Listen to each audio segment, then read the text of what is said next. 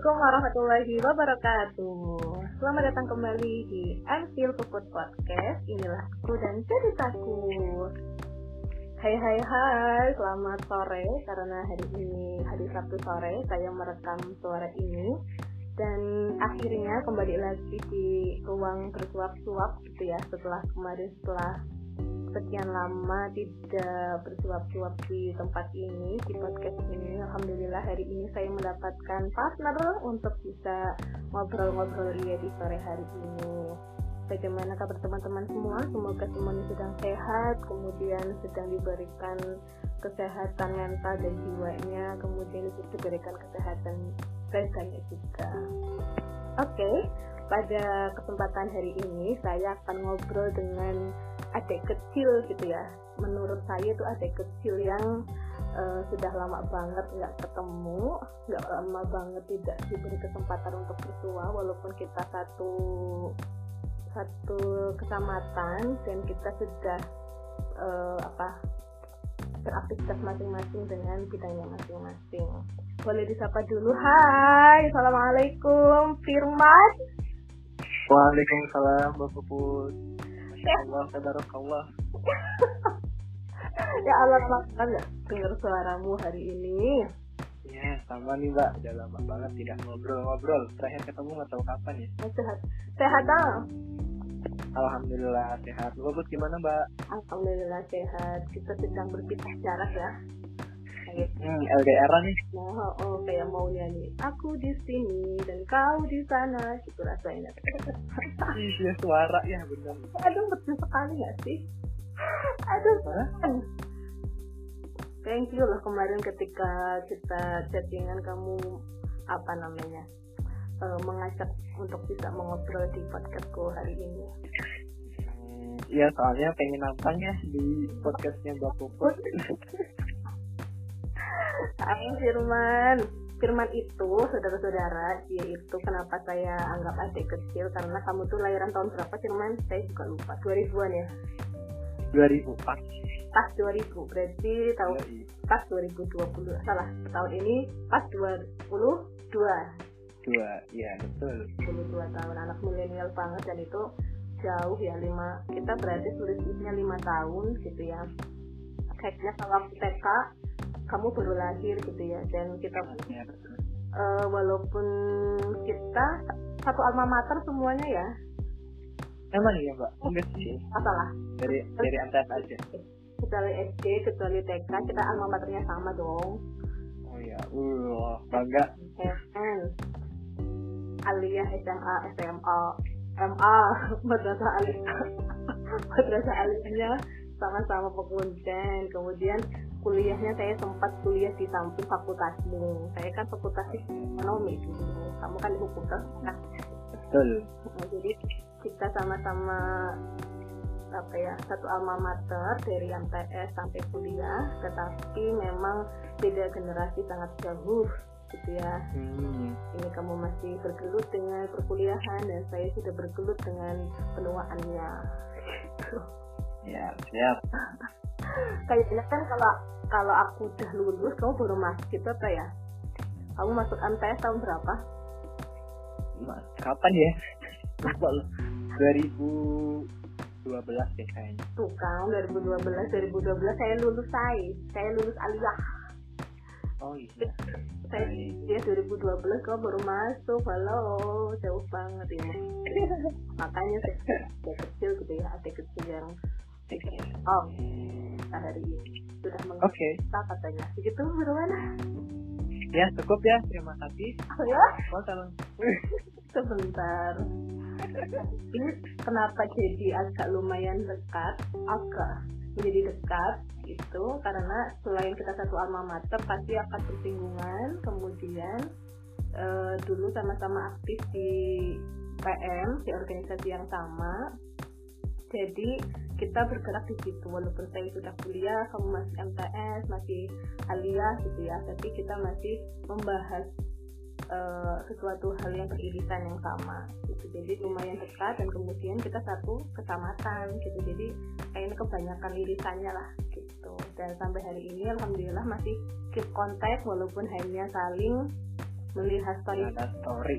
Uh, melihat story ya. Itu sangat membahagiakan gitu saya bisa melihat perkembangan adik-adik saya terus kemudian perkembangan teman-teman yang lama tidak berjumpa ya dari storynya itu walaupun tidak harus kayak hello tiap hari gitu ya. Gitu dan adik kecil ini termasuk yang perkembangannya lumayan tepat gitu ya. Waduh. Firman ada satu masa yang kamu udah uh, menganggap mau selesai ini di IPM saya masih di IPM waktu itu. Terus kita chattingan terus kemudian kayaknya waktu itu saya pernah bilang ya nggak apa-apa kalau mau selesai gitu asalkan kamu mau jadi apa. Gitu nggak sih jawabanku waktu itu? Mm-hmm. ya, oh. betul uh, jadi kayaknya itu percakapan yang agak lumayan serius yang terakhir yang mau kita IPM gitu. Jadi saya lupa itu tahun berapa tapi di obrolan itu akhirnya saya merelakan kamu untuk nggak apa-apa di IPM nggak apa-apa kalau nggak di IPM maksudnya asalkan kalau nggak di IPM mau jadi apa terus kamu mau aktif di mana yuk sisan jadi gitu. Kalau nggak salah saya bilang kayak gitu. Dan alhamdulillah ya beneran jadi jadi apa pun yang jadi apa tuh? Jadi apa? Jadi Ranger kayak kayaknya uh, kamu menemukan tempat-tempat yang memang sesuai kamu gitu ya. Walaupun uh, IPM menjadi saya rasa IPM menjadi awal awal untuk bisa menemukan diri kamu gitu nah perkembangan seperti apa yang saya sebutkan tadi? Itu misalkan sebentar saya akan mengklarifikasi itu dulu. Uh, nama kamu siapa? Ngeri ya. Nama saya Firman. Firman. Firman Prayoga ya ya? Firman Prayoga betul. Sekarang kamu membrandingkan diri sebagai siapa Firman? Firman Prayoga. Firman. Oh, kalau misal saya baru mau nyimpan nomor HP-mu itu pasti ada tuh Firman apa aku nggak bisa bacanya sama oh iya Firman kayak dari lahir. Eh, bukan itu dong tapi oh, bukan. Apa tuh? Dan Firman Bramataf apa apa bacanya apa sih? Firman Bramataf iya tuh Bramra apa? Bram Bramataf ya. Apa itu? Ya. dan siapa itu? Sebetulnya ya. Sebetulnya ya itu saya memberhentikan diri sebagai itu bukan sebagai nama asli saya iya, karena apa ya uh, semenjak saya menggunakan nama itu tuh kayak gini loh mbak. Maksudnya kok saya kayak formal banget? Iya iya. Ya sebagai seorang interpreter ya udah biasa ke acara formal jadinya kayak gini ke bawah. Oke sekarang? Aja ya sekarang? Aku suruh. Mau entrepreneur nih. Hah? interpreter. Oh interpreter. Iya. Uh, jadi saya aku lanjutin ya mbak. Aduh maaf uh, kenapa aku pakai itu? Semenjak aku pakai itu tuh aku mikir kayak lebih ke privasi sih mbak. Lebih? Ke privasi. Terprivasi maksudnya gimana? Ke privasi nama asli aku maksudnya. Oh. Jadi sebenarnya uh, kalau nama itu yang aku pakai itu kan cuma buat di Instagram ya sebenarnya. Uh-uh. itu doang biar nggak ada yang menyalahgunakan nama aku. Soalnya dulu pernah aku dapat ini loh apa ya kayak kayak bukan teror. Dapat telepon hmm? yang dia tahu nama asli terus alamat. Iya. Dan intinya uh, identitas pribadi ya. Uh-uh. itu tapi aku nggak sama sekali nggak pernah share ke siapa pun gitu. Dan Oh. dengan bodohnya aku mengiyakan. Nah maka dari itu itu aja sih. Untuk lebih ke privasi aja sih sebenarnya. Bukan untuk membrandingkan diri enggak kira branding baru tuh. Enggak sih. Kenapa itu? Maksudnya inspirasinya dari mana? Inspirasinya dari mana ya? Kira kamu ini loh apa eh fansnya Kak Farel Gamas ya. Carrot Bamas Carrot Bapak ya itu ya. Belibet ngomongnya iya itulah. Enggak sih enggak aku inspirasi itu nyari di internet aja nama belakang. Eh asal pilih aja. Random berarti saya gitu. Oke I see. aku baru tuh ternyata memang tapi memang mungkin bisa dipakai juga buat teman-teman yang lain ya. Kalau mungkin mempunyai pengalaman yang sama ya. Maksudnya eh, aku juga pernah sih tapi maksudnya itu kayaknya nggak sampai ke nama. Cuma kayak nomor kesukaan nomor kita kan udah nggak nggak bisa disimpan baik-baik ya. Maksudnya kita pasti kalau yeah. apa-apa ke mana-mana gitu. Sempat lah dilakukan beberapa kali kalau misalkan eh, ada kehilangan uang lah bla bla bla bla bla gitu. Tapi mungkin kalau yang kasusnya kayak kamu sampai tahu data identitas nama dan lain-lain itu juga bisa dipakai ya. Maksudnya iya harus hati-hati hal lain. Uh, sih, uh, aku sempat ini juga sih mbak sempat lapor oh iya. Juga kan ke beberapa pihak terkait yang Hmm. kayak cyber cyber gitu tapi nggak ada respon. Ya ya udah ya. Pasrah aja sih. Itulah pasrah ya udah yang penting Hmm, bisa kita lakukan apa gitu ya. Dan kita betul. sama itu juga merasa aman ya berarti. Hmm, oke. Nah sekarang kita bukan bahas nama tapi bahas aktivitas jadi ya jadi perkembangan Firman hari ini itu Firman sekarang aktivitasnya jadi apa? Kemarin mahasiswa ya. Mahasiswa. Jadi manusia sih mbak iya jadi manusia menjadi manusia menjadi laki-laki yang sudah mengenal cinta terus aduh bocor. Besar besar ya nggak apa-apa kan kamu 22 tahun. Aku juga sudah berapa ini sudah banyak. Itu sudah wajar terus kemudian eh, kemarin kamu kayaknya bikin story sekarang eh, ketika temenmu lulus apa sih kemarin ujian apa ya? Terus kamu bilang ya seminar hasil. Uh, seminar HTMHAS gitu yang kalian berjuang bareng-bareng dari mahasiswa yang biasa bisa aja sampai dikenal sebagai mahasiswa menengah atas sekarang ya berarti. Mohon maaf. Alhamdulillah ya sudah naik kelas ya. Sudah naik. Namanya juga kehidupan ya mbak. Kadang di atas kadang di bawah. bisa bisa apa dikatakan bekerja sebelum selesai gitu masya Allah. Nah apa ini aktivitasnya Allah barakallah. Gimana sih man apa Hmm, membuat kamu jadi mahasiswa menengah atas sekarang? Ya, uh, sebenarnya enggak juga sih mbak. Itu cuma kata kiasan aja ya. Maksudnya kalau dulu waktu waktu awal-awal kuliah itu kan masih nggak bisa memanage keuangan gitu. Terus kayak masih mengandalkan uang dari orang tua sama uang beasiswa gitu kan. Tapi alhamdulillah untuk saat ini ada kesibukan lain yang bisa menghasilkan ya lumayan lah untuk biaya hidup gitu. Jadi uh, dari orang tua udah nggak ngasih lagi. Maksudnya ya orang tua udah nggak ada tanggungan buat aku. Terus uh, uang beasiswa uh, khusus buat akademik aja kayak buat beli buku-buku atau um, ya semacam itulah buat akademik dan untuk kehidupan sehari-hari alhamdulillah ya sudah bisa membiayai diri sendiri. Gitu sih mbak. Terus jadi juga apa yang aku pengen aku bisa beli gitu loh dengan hasil sendiri. Kalau dulu kan cuma angan-angan aja gitu ya. Sekarang ya alhamdulillah ya. Mantap. Mantap banget. Saya ikut senang dalam mendengar itu. Jadi kamu juga menyebutkan kamu sebagai interpreter. Apa sih bahasa yang lebih bagus yang lebih bagus? Apa kata-katanya? Interpreter itu inter bahasa. Inter interpreter. Interpreter. Bener ya? Inter betul. Oke kamu kan jadi interpreter yang formal gitu ya jadi bahasanya itu gimana tuh gimana mbak? Interpreter itu gimana? Interpreter atau yang sering bahasa mudahnya itu juru bahasa gitu ya? Bahasa. Itu eh, itu adalah seseorang yang mengalih bahasakan dari bahasa A ke bahasa B atau sebaliknya dalam waktu yang simultan atau dalam waktu yang sama.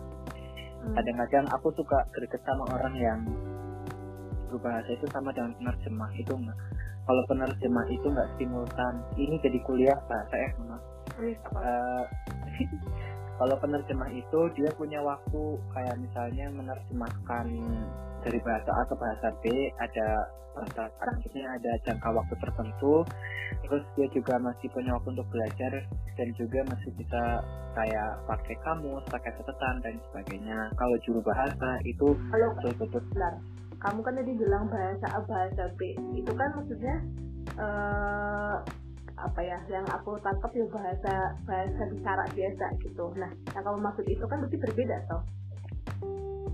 Mm-mm. Heeh, coba lagi. Terus? Ya ini masih secara umum ya juru bahasanya. Oh. ya jadi dari bahasa A ke bahasa B itu dari bahasa si A ke bahasa sasaran. Oke. Jadi juru bahasa juga kan banyak ya.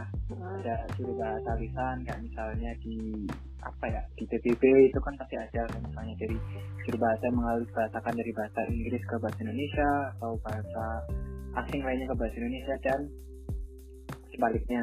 Itu juru bahasa namanya? Itu eh, juru bahasa lisan. Oh, oke terus?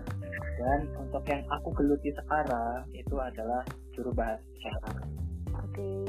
Gitu. Jadi bedanya mengartikan dari bahasa lisan ya bahasa Indonesia. Untuk saat ini aku masih di bahasa Indonesia Heeh. ke bahasa isyarat Indonesia atau sebaliknya dari bahasa isyarat Indonesia ke bahasa lisan bahasa Indonesia. Itu Oke, tapi yang perlu digarisbawahi itu tadi kamu bilang secara simultan gitu ya, simultan secara langsung. Jadi nggak nggak menunggu gitu ya, itu jeda waktu menunggu ketika Iya. si sa- apa sasaran atau si yang objek yang kita yang kita apa presentasikan itu kayak kita selesai gitu ya berarti. Mm-mm, betul Hmm, Oke. Nah, eh, aku tuh secara langsung yang pernah mengalami kamu itu karena waktu itu IPM Jateng pernah ngadain acara yang di Tegal, kamu bukannya itu iya betul. Sebenarnya musyawarah wilayah. Ya musyawarah wilayah yang di Tegal 2000 berapa itu? 2019 nah kan kamu sebagai interpreter ya aku aku baru baru lihat itu doang maksudnya secara langsung secara live gitu. Nah mm, itu menggeluti ini dari tahun berapa Firman? aku menggeluti. Mulai masuk ya sebenarnya mulai masuk ke jadi kalau kita belajar bahasa itu kan berarti kita juga harus ke budayanya juga ya. Oke, nah, supaya bisa apa ya kayak bisa memahami bagaimana cara mengekspresikannya gitu. Itu kan berarti kita juga harus belajar budayanya. Aku mulai masuk ke budaya teman-teman tuli heeh, sama apa teman-teman tuli lebih nyaman dipanggil tuli gitu ya dibandingkan tunarungu nah, itu pembahasan lain lagi. Aku masuk mulai masuk ke dunia tuli itu tahun 2018 2018 ah, jadi waktu itu masih maba banget tuh masih maba dan kupu-kupu ya jadi merasa diri ini tidak bermanfaat. Waktu itu aku punya bukan punya aku kayak iseng aja sih kayak buka-buka YouTube. Oke. Ah, waktu itu Surya Sakti gitu ya. Mungkin aku tahu Surya Sakti itu memang YouTube Nah. ini. Interpreter enggak. Apa apa enggak juga sih itu sebenarnya Surya Sakti itu teman tuli pengguna bahasa isyarat Indonesia yang di YouTube-nya juga vlog-vlognya pakai bahasa isyarat gitu. Intinya kayak pembahasannya bahasa isyarat nah dari situ aku belajar bahasa isyarat mulai dari situ terus akhirnya tertarik nih belajar abjad ABCD dan sebagainya. Nah terus pada suatu waktu aku nonton nih di YouTube kalau belajar bahasa isyarat itu harus langsung ke teman tulinya. Oh, praktik itu Ah, betul praktik. Ya namanya juga bahasa ya. Kalau kita sering praktik ber- artinya apa ya kemampuan berbahasa kita kan semakin tahu tapi meningkat. tapi tetap nggak bisa dipraktikkan ya nggak bisa. Iya betul. Iya jadi kayak kalau kita ikut kelas bahasa isyarat sampai walaupun kalau nggak pernah ketemu sama teman tuli atau nggak pernah ketemu ke native-nya langsung ya sama aja bohong gitu kan. Akhirnya setelah belajar itu di YouTube secara otodidak terus akhirnya aku cari deh teman-teman tuli Purwokerto dan akhirnya ketemu. Dan mulai sejak itu itu kayaknya aku ketemu pertama itu September September 2018 akhirnya mulai saat itu aku udah kayak sering ketemu gitu-gitu. Uh, sampai bulan Desember tanggal 3 Desember itu kan biasanya diperingati Hari Disabilitas Internasional. Nah, di dinas sosial itu emang acara tahunan itu ada acara itu dan uh, audiensnya itu kan berbagai macam disabilitas. Dan di Banyumas sendiri belum ada juru bahasa isyarat. Nah, waktu itu aku belajar sebenarnya sih belajar ya dalam tiga bulan, tapi karena keadaan yang memaksa dalam tanda kutip, akhirnya aku disuruh buat itu juru bahasain acara itu itu first time-nya. Terus akhirnya uh, sering berjalannya waktu terus akhirnya ya itu sering dimintain buat jadi juru bahasa isyarat terus nah ini langsung aja ya mbak. Iya nggak apa-apa. Aku bablas ya. Iya. Betul, jadi sering diminta jadi juru bahasa isyarat Hmm, terus sampai menginjak waktu pandemi ya tahun 2020-an iya. Awal itu kan semuanya uh, berubah jadi semuanya kayak serba online gitu kan. Aha. nah mulai saat itu ada temen juru bahasa isyarat yang udah senior gitu terus kayak ngajakin tandem. Dan itu kayak berdua. Oh iya. Soalnya ah, soalnya dalam intinya kode etiknya itu kalau acara satu jam eh acara lebih dari satu jam itu ada dua juru bahasa isyarat buat bergantian gitu. Nah di pandemi awal aku diajak tuh pertama kali buat tandem. Ya, akhirnya itu online ya. Terus akhirnya udah deh eh, itu namanya Mbak Mada. Itu sebenarnya asli Purwokerto juga tapi dia aktif beliau aktifnya di Jogja juru bahasa isyarat Jogja. Itu dan mulai sejak saat itu ya dari Mbak Mada itulah uh, terbuka jalan menjadi juru bahasa isyarat profesional. Maksudnya yang bisa jadi profesi kayak gitu. Dan ya apa ya jadi bisa belajar banyak terus ketemu sama juru bahasa isyarat lain teman-teman dari berbagai daerah. Soalnya mulai saat itu juga diundang ke berbagai lembaga baik pemerintahan atau non government organization baik nasional internasional terus debat publik dan sebagainya gitu sih. Intinya makasih aku ingin mengucapkan terima kasih buat Mbak Maja yang telah membuka jalan untuk itu. Gitu sih Mbak. Terima kasih. Semoga mendengar ya nih. Jadi sedih banget. Tapi sebelum itu ya kan panjang banget tuh. Jadi kan kan kau belajar di 2018 terus kemudian aktif di komunitas bahasanya ya terus kemudian profesional bisa dihitung dari 2020 ketika pandemi gitu ya secara singkat Mhm. sampai akhirnya hari ini alhamdulillah menjadi jalan rezeki kamu di sekarang seperti sekarang. Iya.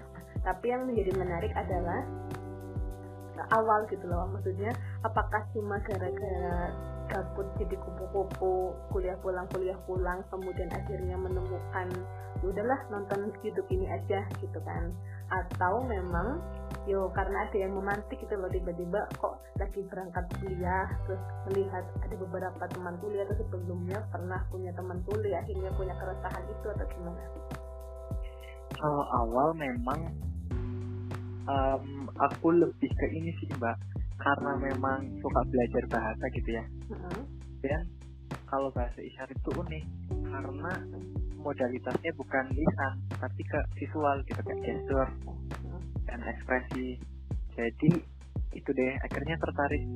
Menarik juga ya terus bahasa isyarat itu indah. Jadi setiap apa ya eh, setiap kata-kata eh kota isyaratnya itu ah, indah aja gitu mbak. Jadi yang bikin, bikin tertarik itu sih yang pertama karena aku emang suka belajar bahasa Heeh. terus yang kedua bahasa isyarat itu modalitasnya beda jadi kayak unik gitu terus kalau dilihat itu indah. Itu sih. Tulisan gitu ya? Heeh. tapi berarti memang kunci utamanya karena diri sendiri dulu ya berarti memang eh, rasa penasaran yang tinggi itu berarti sangat berpengaruh di awal ketemu hari ini ya iya betul soalnya Hmm. banyak juga nih mbak kayak mahasiswa kayak aku juga yang pengen belajar bahasa isyarat tapi kayak cuma buat penelitiannya dia aja kayak penelitiannya udah selesai habis itu udah dia pulang atau ke mana pergi bahasanya cuma untuk kepentingan dia aja gitu tanpa Mm-mm. dari hati dari awal gitu ya iya betul memang tapi kayaknya karena memang diawali dari hati jadinya prosesnya pun kita langsung apa ya namanya bertahan dengan proses itu kali ya. Iya betul. Menemukan berbagai bentuk-bentuk yang lain karena memang diawali niat gitu ya. Nah iya. kemudian itu kan karena penasaran ya. Terus eh ketemunya tadi kan memang nyari lah. Nah itu ketemu iya nyari maksudnya aku sendiri kan sama-sama kuliah di Purwokerto tapi kan memang kita gaulnya beda ya. Jadi memang aku sama sekali nggak tahu tuh tongkrongan mereka di mana kemudian ternyata memang sebetulnya besar kan berarti dan itu mungkin satu-satunya komunitas tuli gitu ya bahasanya bagaimana yang di Purwokerto itu. Iya, jadi awalnya aku nyari komunitas tuli pun itu juga nggak langsung ke kayak langsung ketemu nggak sih mbak? Jadi awalnya aku nyari di Google kan, dulu kan masih, ya sekarang juga masih di, dari di Google kayak kontak-kontak organisasi atau komunitas tuli gitu. Hmm. nah itu Purwokerto nggak ada tuh. Adanya Wonosobo. Nah oke lah aku nyimpen itu nomor ketua organisasi tuli Wonosobo. Terus aku tanya punya kenalan tuli Purwokerto atau enggak nah akhirnya punya. Terus akhirnya aku minta ini deh minta apa? Ya. Kontaknya. Terus aku kontak janjian ketemuan. Nah itu deh akhirnya waktu itu emang uh, langsung ketemuan. Ya udah akhirnya ketemu. Dan komunitas tuli itu juga di nggak cuma Purwokerto aja sih. Jadi setiap daerah punya komunitas masing-masing. Tapi kalau emang di Purwokerto juga termasuk aja komunitasnya gitu. Kalau di Banyumas cuma di Purwokerto. pusatnya di Purwokerto tapi itu juga ada yang dari kayak Gumelar terus Banyumas gitu-gitu sih Berarti memang ini ya maksudnya PR juga mungkin waktu itu 2018 Purwokerto ketika nyari di Google nggak ada ya. Mungkin kalau hari ini Mm-mm. Iya. Hari ini sudah ada di Instagramnya. uh, karena kamu yang buat pasti. Eh, enggak sih, dulu juga sebenarnya ada. Cuma kan aku nggak tahu ya. Dan nggak aktif juga dulu kan. Nah sekarang sudah ada di Instagramnya juga udah ada. Namanya Gerkatin Purwokerto. Apa? Gerkatin Purwokerto. deketin gerakan Gerkatin itu kepanjangannya Gerakan untuk Kesejahteraan Tunarungu Indonesia. Oh, oke, Gerkatin Purwokerto. Nah, pas awal masuk ke Gerkatin Purwokerto itu, kamu langsung secara jujur, saya itu pengen belajar gitu apa gimana sih penasaran deh. Gimana ya? Karena aku kan awalnya emang belajar dari itu dulu ya mbak. Ya, kayak kalau aku nanti kalau ketemu sama teman-teman dulunya dia waktu pertama ketemu aku kan berisyarat assalamualaikum dulunya juga kaget loh kok bisa oh, udah. Gitu. Dan mulai sejak itu ya ngobrol biasa. Waktu itu ya emang karena aku belum lancar ya. Jadi Mm-mm. ngobrolnya masih aku eja gitu loh. Kayak misalnya kata apa aku eja. Terus nanti dari tulinya memperbaiki oh itu isyaratnya kayak gini gitu. Ya. Uh, dan uh, waktu masuk ke komunitasnya ya aku langsung iya aku langsung bilang aja mau belajar bahasa isyarat gitu. Terus mereka ya pada seneng gitu kan soalnya di Banyumas kan yang udah aku bilang tadi juru bahasa isyarat itu kan nggak ada waktu itu gitu jadi mereka welcome banget sih Berarti sebenarnya ya kalau misal juru bahasa isyaratnya nggak ada, mereka hanya komunikasi lewat komunitas doang ya? Iya, kalau juru bahasa isyarat nggak ada itu, yang mereka di komunitas itu. Terus ada juga sebenarnya organisasi induk disabilitas itu namanya PPDI atau Persatuan Penyandang Disabilitas Indonesia. Itu kayak di DPR ada. Oh, ya sebelumnya sebelum ada juru bahasa isyarat di Banyumas ya mereka kayak cuma di sekedar diundang gitu aja sih mbak. Maksudnya yang kayak cuma sekedar diundang nggak tahu sih aksesnya. Mm-mm. tapi aku pernah lihat ada juru bahasa isyarat kita tingkat JPI aja ya. Ada JPI dari Magelang kayak gitu. Jadi sewanya dari luar konteks itu malahan itu ya malah dari luar karena memang waktu itu belum merintis berarti bisa jadi iya. kamu ini juga termasuk yang merintis GBI di Purwokerto ya? Ya merintis enggak juga sih mbak. Karena sebetulnya untuk saat ini pun masih aku aja. Oh iya? Seriously? Iya. Gak ada pilih dulu awal 2018 2019 sebenarnya ada. Ya cuma yang aku bilang itu tadi loh. Mereka belajar bahasa isyarat itu nggak yang fokus untuk sebagai juru bahasa. Ya mungkin ya kayak sekedar sebagai teman ngobrol teman-teman tuh ya gitu. Tapi nggak fokus sebagai juru bahasa. Makanya yang menggeluti sampai ke juru bahasa itu untuk saat ini hanya aku. Nah tapi gitu sih di Banyumas.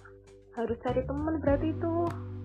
Iya betul, aku mencari teman Ya. saat ini. Jadi teman-teman yang di Banyumas ya yang tertarik bahasa isyarat ayo belajar oh, menemani aku. ya kan kalau semisal kayak freelance yang misalkan teman-temannya hanya untuk skripsian gitu kan bisa selesai gitu ya. Mungkin secara lebih jauhnya hanya gitu ya dalam tanda kutip hanya menemani teman-teman dulu ketika ngobrol butuh gitu doang kan. Nggak yang misalkan nggak yang dalam ranah yang lebih inklusif luas gitu ya. Iya, kalau kayak gitu kan ya kamunya juga kamu juga profesional bisa ke mana ke mana-mana untuk yang di Purwakarta sendiri kayaknya lebih baik itu ada ya yang bisa kayak gitu untuk stay di Purwokerto kayaknya ya. Iya betul. Sekali berharapnya gitu. Tapi susah nggak sih belajar kayak gitu? Susah atau enggak tergantung orangnya sih mbak Iya. sebenarnya. Kalau kamu Iya kan. bilang otodidak tiga, tiga bulan itu ya tiga bulan sambil akhir-akhir itu sebelum perform perdana gitu kan ya berarti iya iya sebenarnya apa ya seseorang bisa disebut sebagai juru bahasa isyarat juga ya untuk saat ini aku juga masih belajar ya. Heeh. karena di Indonesia sendiri itu kan nggak ada jurusannya ya. Kayak nggak ada Iya. yang menempuh pendidikan juru bahasa. Isyarat itu nggak ada. Tidak kayak di Amerika itu ada jurusan tersendiri. Oh. Kayak jurusan juru bahasa isyarat terus ada jurusan linguistik bahasa isyarat juga ada terus jurusan ketulian gitu. Di soal kajian tuli itu ada gitu. Kalau di Indonesia kan belum ada jadi tergantung sih kayak tergantung masing-masing orang seberapa cepat dia memahami bahasa itu. Hmm. ada yang sampai setahun itu juga ada. Ada yang harus magang dulu baru bisa di apa ya kayak diberi label ini juru bahasa isyarat itu juga ada. Gitu sih. Jadi beda-beda. Tapi karena untungnya kamu ini ya harus kamu langsung cari pintu sebetulnya jadi kamu penasaran kamu belajar otodidak kemudian kamu cari pintu pintu mempercepat langsung ketemu. Nah gitu kan. Kemudian di komunitas banyak ngobrol banyak menemani ngobrol berkomunikasi. Kemudian akhirnya di Desember itu dapatlah perform pertama karena memang terpaksa betul. daripada undang yang lain posisinya ada gitu kan. Jadi memang Mm-mm. ada pintu apa namanya akselerasinya di sana iya betul. kok pertama kali perform gimana mbak? Pas pertama kali apa perform di Desember itu yang 3 Desember itu perasaannya gimana? Seneng banget ya? Kan pasti ya. Karena baru belajar tiga bulan dan itu aku bahasa isyaratnya itu bukan bahasa isyarat apa ya kayak masih mengikuti struktur bahasa Indonesia. Ah, oke. Eh, karena dari kita ngomong gitu ya.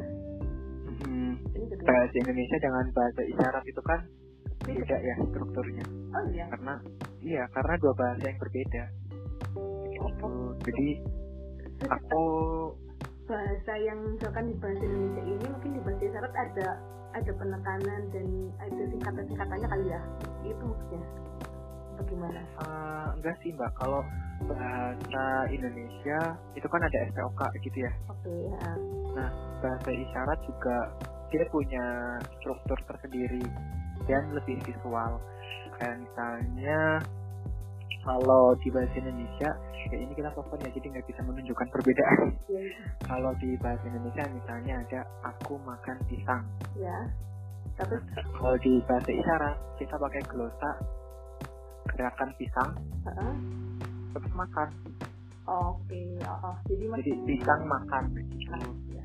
gitu sih jadi kayak lebih ke visualnya jadi mudahnya bahasa isyarat menurut aku ya Hmm. itu kayak gitu jadi eh, lebih bisa ditangkap oleh mata gitu loh mbak jadi kalau lagi ngobrol itu kayak kebayang oh jadi kayak gini ya gini ya kayak misalnya lagi ngobrol kalau di bahasa Indonesia misalnya tadi di jalan tol itu ada dua mobil nabrak mobil di depannya terus mobil di depannya nabrak motor motornya keguling. Hmm. itu bahasa Indonesia bahasa isyarat ya tinggal dua tangan nabrak terus nabrak lagi terus guling. Udah kayak gitu. Jadi kayak lebih ke visualnya. Kayak gitu sih mbak.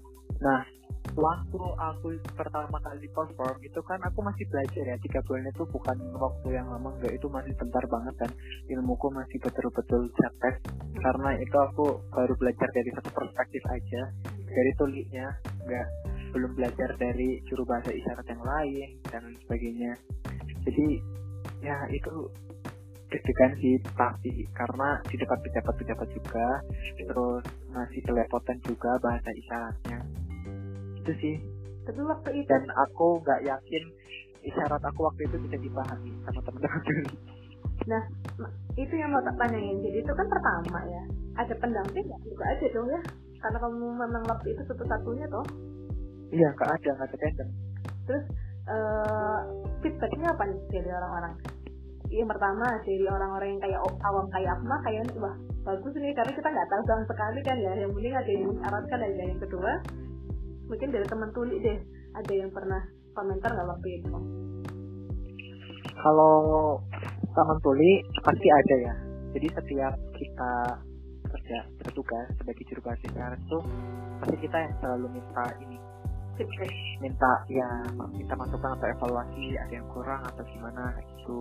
Soalnya kan kita belum bersertifikasi ya, ya. kita melek kita terlabel sebagai juru bahasa isyarat itu juga karena pengakuan dari komunitas tuli kayak gitu. Jadi ya gitu setiap kali kita tugas kita pasti selalu minta ini hmm. masukan atau feedback kayak gitu. Dan itu ya ada sih. Waktu itu gimana yang pertama itu? Ada yang feedback apa gitu nggak uh, kalau feedback paling kayak lebih ke ekspresi sih mbak. Karena kalau kan kan bahasa isyarat juga mengandalkan ekspresi ya kayak ekspresi itu kayak in, intonasinya gitu loh oh. kayak gitu sih jadi lebih di bisa dikembangkan lagi ya sepertinya biar nanti bisa sesuai dengan apa yang ditangkap kayak gitu sih mbak intonasi itu di gimana kalau isyarat tuh Uh, kayak misalnya, aduh, gimana kalau kita fit call aja deh? ya, susah ya. Nanti kapan-kapan tak lihat tuh. Oh, Oke, okay, siap Misalnya kalau di bahasa Indonesia kayak jauh banget, nah di bahasa isyarat nggak ada banget. Oh, uh, pakai ekspresi jauh, oh, gitu. loh. Nah, itu kan uh, dibantu dengan ekspresi muka berarti ya. Jadi intonasi, penekanan, terus ekspresi itu uh, apa? Kata-kata pengungkapan berlebih-lebihan itu kan juga itu dibantu dengan ekspresi muka berarti ya iya betul mm -hmm. kalau datar doang kan juga sudah dipahami ya kayak misalnya hmm. kayak misalnya si pembicaranya ngomongnya itu tegas kayak gitu. Kalau kita mukanya datar kan nggak sesuai kayak gitu. Jadi kita harus menyesuaikan. Kamu belajar dengan apa yang kita dengar. Berapa lama sampai ke sebelum ketemu Mbak Manda itu ya? Itu waktu udah ketemu Mbak Manda kemudian diajakin tandem gitu itu kan mengalami satu tahunan ya 2019 ke iya. 2020 gitu. Itu udah ada perkembangan sampai yang uh, bisa ekspresi muka terus kemudian bahasanya bukan bahasa Indonesia gitu sampai ke situ nggak waktu ketemu lagi 2020 sama Mama Dede Tandem Uh, se sebenarnya sebelumnya udah pernah ketemu ya sama Mama Dede cuma ya belum sampai kayak profesional itu enggak gitu belum diajak ya ke profesional itu belum. Ya. Untuk menuju sebelum diajak Mbak Mada, hmm. ya sebenarnya aku masih stagnan sih Mbak. Hmm. Maksudnya kayak masih belum yang mempelajari banget kayak gitu. Masih masih atau tidak berarti? Uh, uh, okay. Masih ya masih mengikuti teman-teman tuli. Hmm. Jadi belajarnya aku otodidak belajar otodidak itu cuma awal-awal doang. Hmm. Lalu kan aku sering ketemu dengan teman-teman tuli, akhirnya aku belajar dari mereka gitu kan. Hmm jadi ya gitu terus uh, sering buka ini juga kayak di YouTube itu kan ada uh, dari satu tuli ke tuli lain itu kan punya apa ya kayak punya al alami sih punya manual mereka masing-masing kayak gitu. Jadi kayak gitu. Mulai dari itu ya aku belajar ekspresinya gimana terus strukturnya seperti apa itu mulai dari situ. Dan ketika aku udah diajak mama dan nih kayak aku kayak merasa tercalon kalau aku kayak gini-gini aja mana bisa gitu. Nah akhirnya ikut kelasnya yang jadi ikut kelas yang formal gitu loh kelas bahasa isyarat formalnya. ikut beberapa webinar. Itu yang gimana mbak? Setelah di tandem 2020 itu akhirnya ikut kelas. Iya jadi kelas formal. Kalau yang selama ini ya kan aku cuma kayak belajar di komunitas kayak gitu ya. Nggak ada sertifikat pernah ikut kelas bahasa isyarat dan sebagainya kan. Nah setelah aku itu akhirnya aku ikut deh kelas yang bersertifikat kayak gitu. Berapa lama itu? Itu sebenarnya satu bulan sih. Full tapi ya? Maksudnya kayak nggak nggak full. Satu minggu berapa kali pertemuan ya? Tiga atau dua aku lupa. Hmm. itu tapi itu itu itu lumayan ya? Bukan lumayan tapi maksudnya jadi terarah belajarnya. Ya jadi terarah dan bisa paham kalau bahasa Indonesia kayak gini isyaratnya itu kayak gini gitu. Itu betul-betul insightful banget sih mulai dari saat itu ya udah akhirnya uh, sering apa ya kayak aku tuh suka kayak gini. Kalau di YouTube kayak misalnya ada webinar materinya itu tulis. Nah itu kan pasti udah ada udah ada juru bahasa isyaratnya karena itu aku latihannya gimana mbak? Volumenya aku kecil ya terus aku apa menginterpretasi menginterpretasikan menginterpretasikan dia kayak gitu. Oh jadi itu kamu lihat GPI yang di YouTube itu ya? Ah iya. Oh jadi kamu mengartikan sendiri kira-kira apa tanpa mendengar suara yang diomongkan? Hmm, iya betul. Gitu. Itu untuk melatih menjuru bahasakan ke lisan ya itu kayak gitu. Kalau menjuru bahasakan ke isyarat ya sering latihan sih sama yang penting sering ketemu ke teman-teman tuli. Karena teman-teman tuli itu natifnya. Natifnya pelatihan formal itu kayak apa ya namanya? Kayak titik balik gitu yang jadi jadi tahu. Maksudnya kamu jadi jadi akhirnya tahu ternyata di Indonesia beda dengan bahasa isyarat dalam pe, apa penginterpretasiannya juga dari situ kan berarti ya? Iya bukan dari YouTube tapi dari iya dari pelatihan yang aku ikuti webinar-webinar yang aku ikuti gitu sampai hari ini berarti masih aktif juga di komunitas tuli di Property itu? Masih. Masih aktif. Itu tuh ketemunya berapa bulan atau berapa minggu sekali gitu? Sebenarnya ketemunya aja sih. Tapi karena ya ya karena kesibukan masing-masing ya tapi disempetin buat video call sih kayak buat merecall kayak merecall isyarat kita gitu loh. Karena aku harus me melestarikan budaya isyarat Purwokerto. Gitu. kamu harus bertahan gitu emang mengingat dengan yang kamu ceritakan tadi gitu loh nggak ada orang. Kayak aku aja cuma kayak kayak wah gitu. Tapi kan kayaknya aku nggak punya yang interesting ke sana lebih dalam gitu ya. Jadi kayak hmm. ya memang yang semoga teman-teman yang lain juga ada yang punya minat ke sana gitu. Jadi kamu gak sendiri gitu kan. Iya betul. Amin. Uh, berarti dari kelas itu kelas yang pelatihan formal itu akhirnya kamu dapat sertifikat JBI atau belum? Kalau sertifikat JBI itu belum ada mbak. Tapi sertifikat pernah mengikuti kelas aja okay. karena uh, juru bahasa isyarat di Indonesia itu sebelumnya itu kayak belum diakui oleh pemerintah oh. nggak kayak guru Betul. dokter itu kan aja ya oh, iya. juru bahasa isyarat itu enggak jadi kayak pekerja sosial biasa aja oh. tapi di 2021 kemarin eh berarti 2022 awal-awal ini itu udah deh disahkan SKKNI hmm. sistem kompetensi kerja nasional Indonesia hmm. juru bahasa isyarat dengar dan juru bahasa isyarat tuli jadi udah ada itunya SKKNI-nya semangat. Jadi begini kamu yeah. dapat ini ya uh, berproses ke sana atau berarti biar dapat sertifikasi bahasanya kan gitu ya sertifikasi JBI gitu ya? Iya insya Allah. Ya doakan aja. Uh, apalagi aku sih paling lebih ke yang kayak juru bahasa isyarat lebih ke bidang hukum ya. Oh, karena aku kan jurusan hukum agak melenceng sih sebenarnya jurusan hukum tapi sekarang juru bahasa isyarat. Tapi kamu di hukum ambil uh, apa namanya? Apa sih namanya? Fokus, fokusnya apa sih? Nah. Aku ambilnya apa coba? Notaris apa advokat atau apa sih ya? Enggak. Apa? Hukum acara pidana. Hukum apa? Acara pidana. Hukum acara pidana itu berarti yang di bagian mana kalau pengadilan? Bukan di pengadilan? Iya di pengadilannya di prosesnya. Oke. okay. Jadi, hmm, kayak dari penyidikan penyidikan sampai ke pengadilan gitu oke okay. nah nah itu kan nanti kalau kamu punya punya keahlian kompetensi itu kan bisa membantu nanti kalau misalnya jangan sampai ya nanti nggak akan ada korban atau tersangka yang memang hmm. pilih gitu ya iya betul nih aku penasaran lagi tentang setelah kamu jadi profesional nih yeah. 2020 asik 2020 ikut pelatihan tapi bela tandem sama teman-teman terus akhirnya muncul di layar-layar mana pun gitu ya. Semoga... oh enggak sih mbak. Paling cuma ya aja ya lagi masih.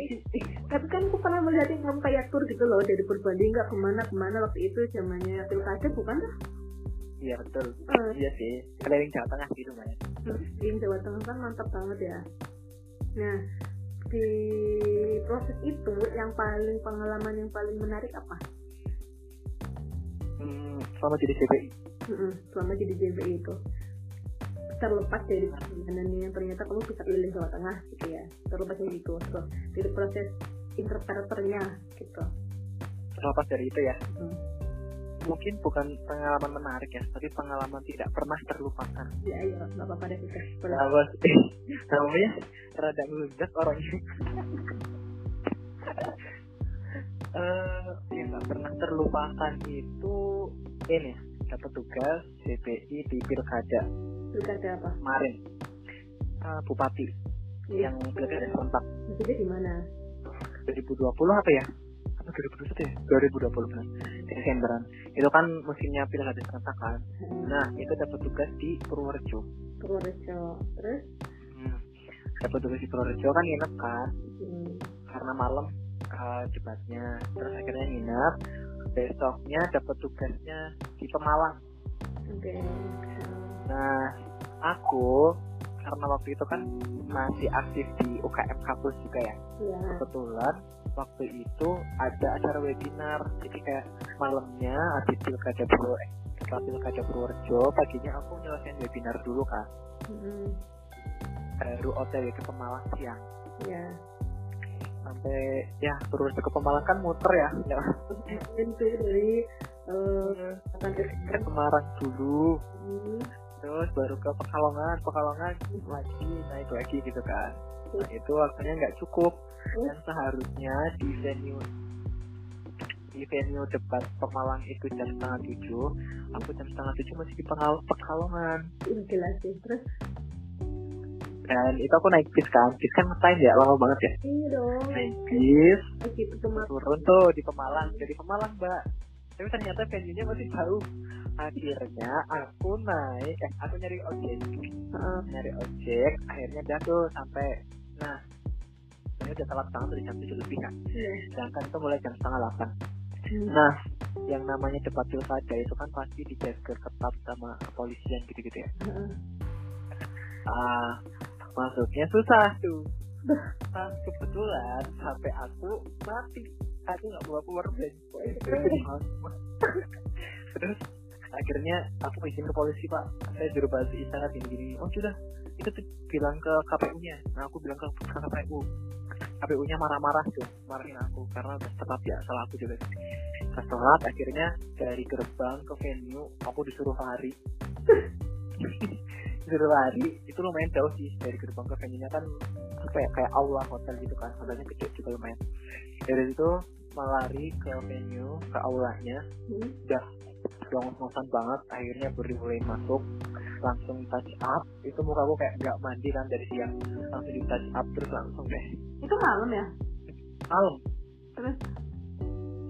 Dari akhirnya langsung kayak gitu. Dan muka aku di TV astaga jelek banget. Nggak nggak nggak enak banget dipandang. Minyak kayak gitu ya. Supaya itu hmm, nggak terperan sih terus satu lagi paling waktu di Demak. Heeh. di TVRI Demak masih pilkada juga. Eh di TVRI Demak.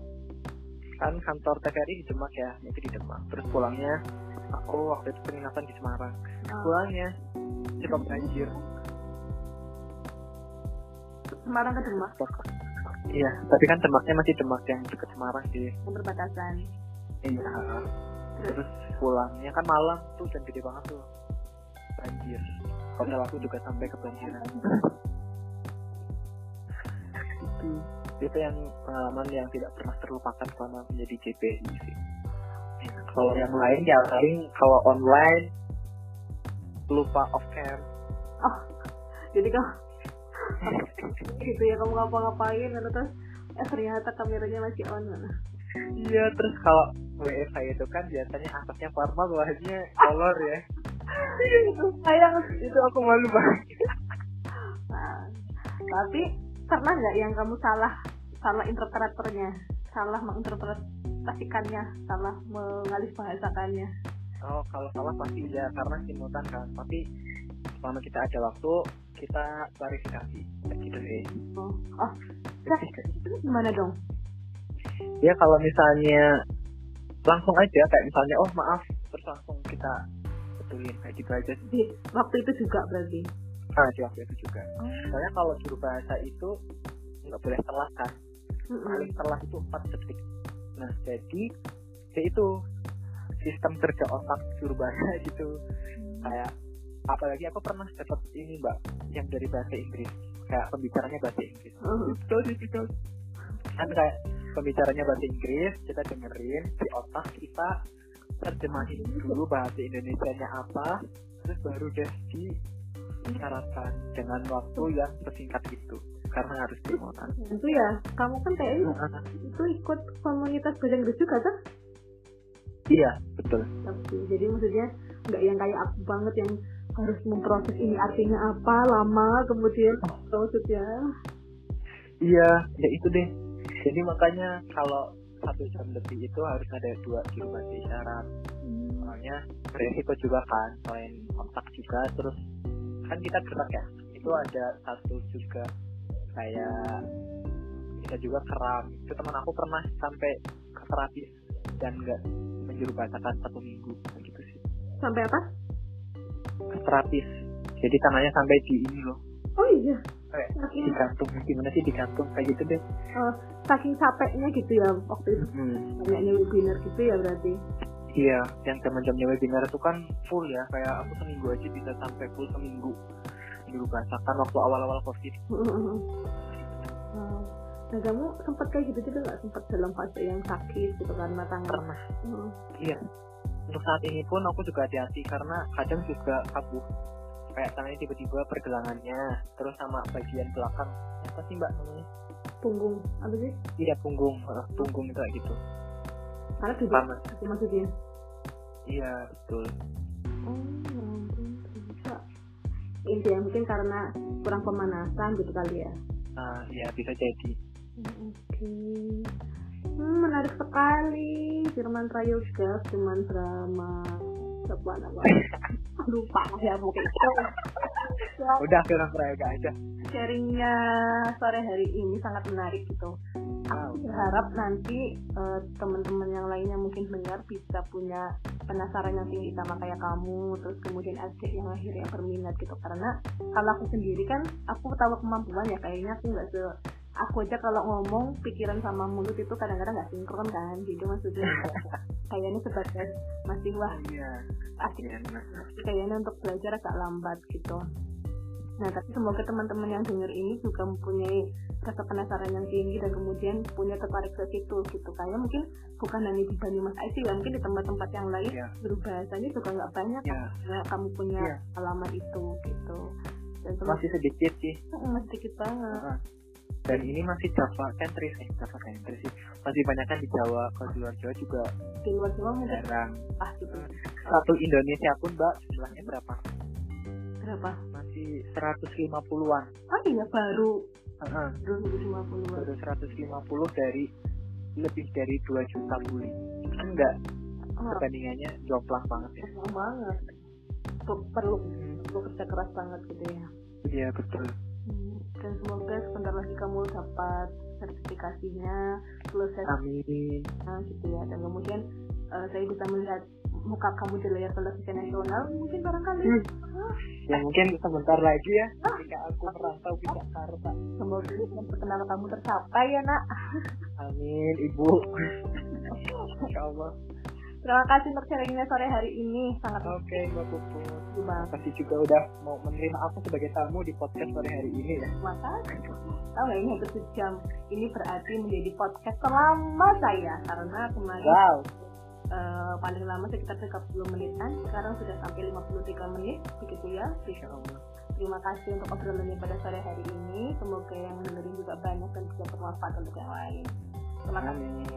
Eh, sehat-sehat ya. Salam buat bapak ya bapak pun juga. Siap. Teman yang lain. Selamat skripsi om. Terima kasih.